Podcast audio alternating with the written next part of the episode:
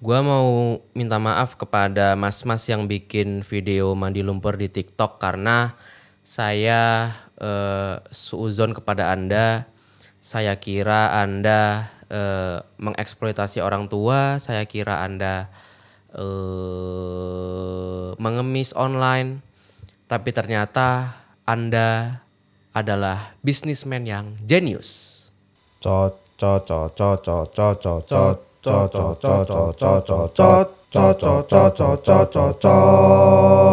Cocot by Besok Kerja Podcast. Eh, selamat datang kembali di Cocot, sebuah segmen di Besok Kerja Podcast di mana gua membahas isu-isu yang sedang hangat di masyarakat. Eh, selamat datang kembali teman-teman semua. Kali ini gua mau membahas tentang dari mana gua bahasnya ya? Mau membahas tentang eh, video TikTok yang nenek-nenek yang mandi lumpur itu. Gini, gua tuh udah berapa kali skip sebetulnya bahas ini karena tadinya kan ini sempat viral di TikTok, terus abis itu pas lagi viral banget, terus orang-orang udah mulai mengkritisi gitu kan, orang-orang udah mulai mengkritisi. Nah, abis itu muncullah orang nih yang menawarkan pekerjaan kepada si content creator itu supaya berhenti bikin video mandi lumpur itu. Oke, dia menawarkan pekerjaan karena mungkin dia kasihan sama nenek-nenek yang ada di video itu supaya dia berhenti. Nah, terus video itu direspon sama si content creator bahwa kalau mau mau bikin gua berhenti beneran lu kasih duit gua 200 juta kurang lebih gitu. Terus orang-orang semuanya marah. Dasar mental pengemis dan bla bla dikasih hati minta jantung dan bla bla bla bla bla. Udah. Abis itu udah tambah viral lagi. Nah, kemarin si content creator itu surprisingly tiba-tiba dia diundang di TV. Di anjing lah. Sorry ya kalau ada suara motor ya. Dia tuh diundang di TV pagi-pagi ambiar Trans TV untuk diwawancarai tentang dalam tanda kutip bisnisnya itu. Nah, yang bikin gua kaget parah adalah akhirnya di episode itu diungkap bahwa se-Indonesia udah kasihan, udah iba. Tapi ternyata nenek-nenek itu tuh ternyata itu tuh semua acting. Mereka itu nenek-nenek itu talent ternyata itu tuh talent management. Anjing. Fuck. Wow. Dan aduh. Dan gue langsung berpikir kayak "Uh, orang ini ya. Orang ini tuh genius parah sih.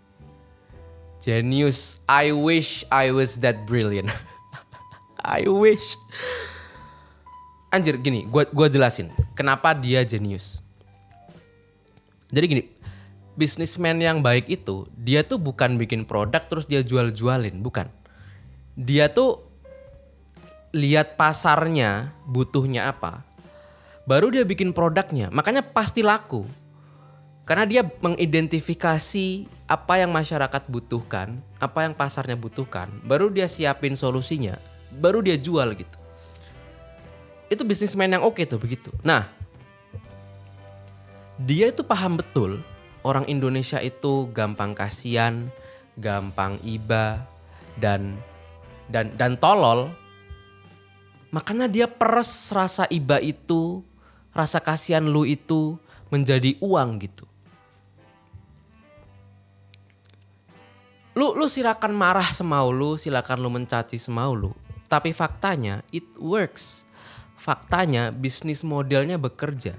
Dia bisa biayain talent-talentnya, dia bisa beli motor sport. Kebayang nggak lo? Di TV itu dengan apa ya?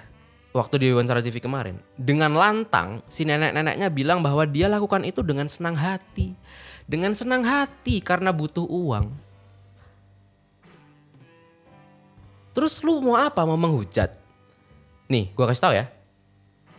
Kalau misalnya gue kasih tahu ya Ya, anjir telat telat trennya telat sekarang udah Fajar set boy telat eh ya itu tuh bukan eksploitasi ternyata gitu bener-bener talentnya itu willingly to do it gitu bahkan dia bilang kayak orang-orang sekampung itu jadi join gitu. Karena melihat itu tuh jalan itu tuh ada duitnya. Dia berhasil bikin UMKM di kampung itu gitu. Lu kebayang nggak? That's exactly businessman gitu. Nah terus kemarin yang ada orang yang nawarin kerjaan terus eh, dia dia minta 200 juta gitu. Terus gimana tuh dengan yang dia minta uang 200 juta? Nah, sekarang gini. Ide bisnis itu tuh harganya MM-an loh. Jangankan ratusan juta, itu bisa miliaran loh harganya. Kita kan dalam bisnis ngemis ini kan idenya udah macem-macem gitu. Kayak jadi apa yang yang gendong boneka palsu eh gendong bayi palsu terus pura-pura pincang terus manusia silver terus sekarang mandi lumpur di TikTok itu tuh perlu brainstorming yang luar biasa loh untuk menemukan ide itu dan kalau misalnya ada orang nawarin kerjaan untuk dia akhirnya melepas ide bisnis itu ya wajar lah dia nggak mau gitu karena emang semahal itu harga, eh, ide bisnis itu. Makanya kalau dia dia emang mau menyerahkan ide bisnisnya, dia kasih harga 200 juta. And that's brilliant, that's genius menurut gua. Karena dia tahu tuh apa harganya, apa yang dia punya. Dan dia ngasih harga 200 juta. Lu kok mau beli ya ini 200 juta, kalau enggak ya enggak gitu.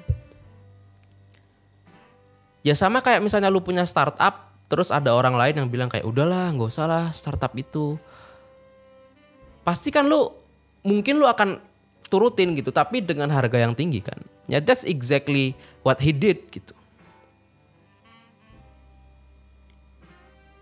Lagian anjir dia tuh bilang kemarin kalau nggak salah ya kalau nggak salah ya satu kali nenek-nenek itu live itu dapat 2 juta apa berapa gitu.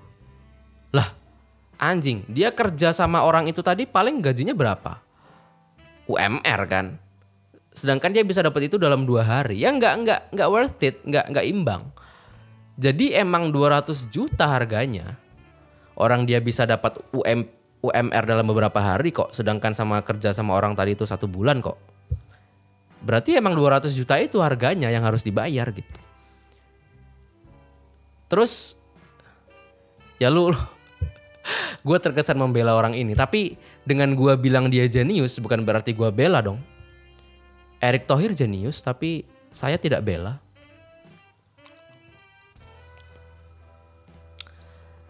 Atau lu bilang gua ya silahkan sebut gua unethical, sebut gua tidak berempati. Tapi gue cuma mau bilang bahwa that guy is a fucking genius. And I wish I was that genius. My goodness. Wow. Terus apa lagi? Aduh, gue tadi mau ngomong apa lagi ya? Dan terus lu marah-marah sama orang ini gitu. Gue cuma mau ngingetin kayak orang ini tuh nggak nyolong duit. Orang ini tuh nggak ngerampok duit. Dia itu dikasih duit sama orang. Dia tuh dikasih duit sama orang. Kenapa lu marah sama dia? Marah sama yang ngasih duit lah kayak gue bilang di awal tadi, dia tuh mengidentifikasi pasarnya. Kalau pasarnya nggak ada, nggak akan ada itu bisnis-bisnis kayak gitu. Kalau orang Indonesia nggak gampang kasihan dan nggak tolol, nggak akan ada bisnis begitu. Jadi menurut gue nggak tepat kalau lu nyalahin orang itu, orang dia, dia kan bikin show orang yang ngasih duit, dia nggak maksa, dia nggak ngerampas duit lu, dia nggak nipu, dia tuh cuman bikin show orang ngasih duit. Jadi menurut gue nggak tepat kalau dia yang kena. Eh, lu marahin orang yang ngasih duit lah. Dan ya selama ada orang yang ngasih duit mah nggak akan habis. Pasti ada lagi, ada lagi dan ada lagi. Jadi menurut gue dia itu hanyalah bisnismen yang sensitif. Dia tahu apa yang masyarakat butuhkan. Masyarakat itu butuh apa ya? Feeling good setelah sedekah. Nah itu tuh. Orang Indonesia itu butuh perasaan happy ketika mereka tuh berhasil membahagiakan orang lain atau bersedekah atau apalah.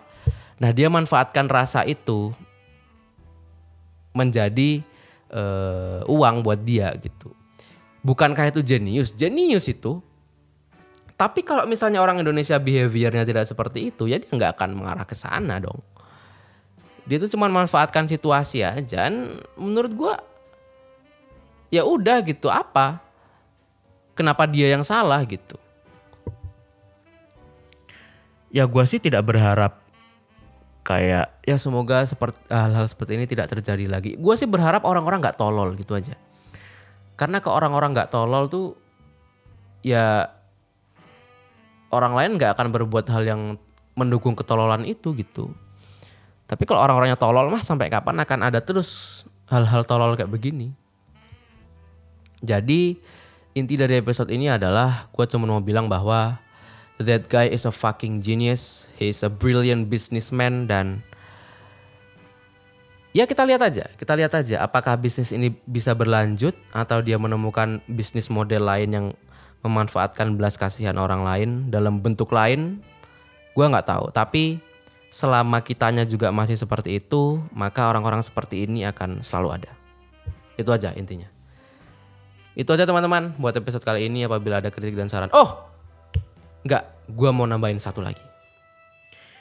Gua menambahkan satu poin yang gue yakin lu bakal marah-marah. Oke, katakanlah dia beneran mengeksploitasi orang tua, oke? Walaupun walaupun hasilnya tidak, karena orang tua ini dengan senang hati melakukannya. Tapi let's say dia itu benar beneran mengeksploitasi orang tua, oke? Katakanlah dia benar-benar mengeksploitasi orang tua. Menurut gua, bukan menurut gua. Uh, gini, tebak apa yang lebih jahat daripada eksploitasi orang tua? Betul sekali, eksploitasi anak.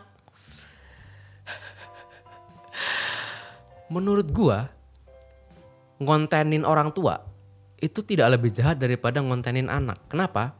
Karena kalau kasusnya Madilumber di TikTok, orang tua-orang tua itu melakukan itu dengan konsen, dengan senang hati, dengan persetujuan.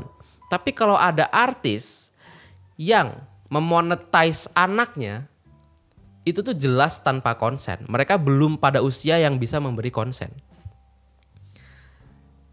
Gini, dulu tuh pernah ada brand es krim yang diboykot sama masyarakat karena dia itu diduga mempekerjakan anak di bawah umur. Oke, karena anak di bawah umur nggak boleh nggak boleh dipekerjakan di industri.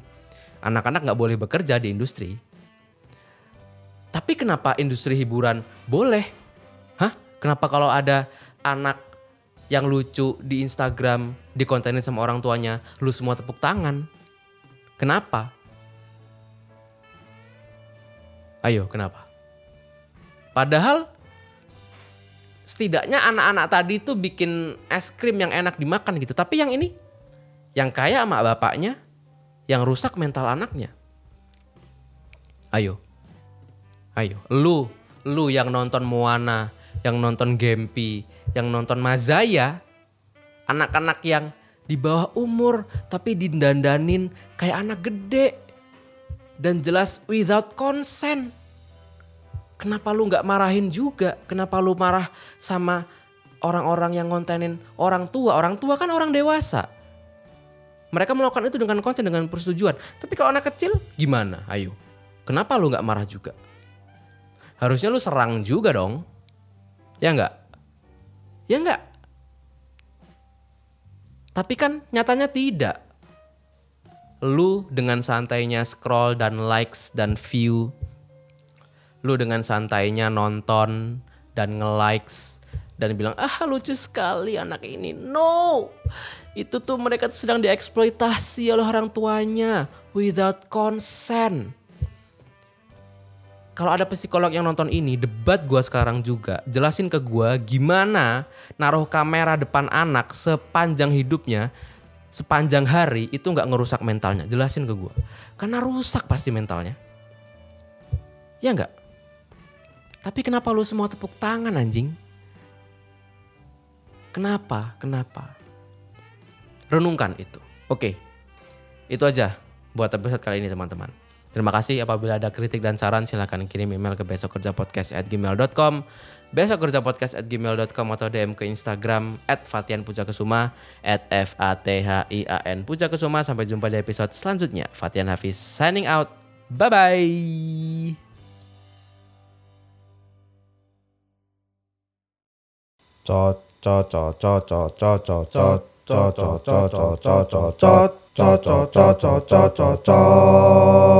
Cocot by Besok Kerja Podcast.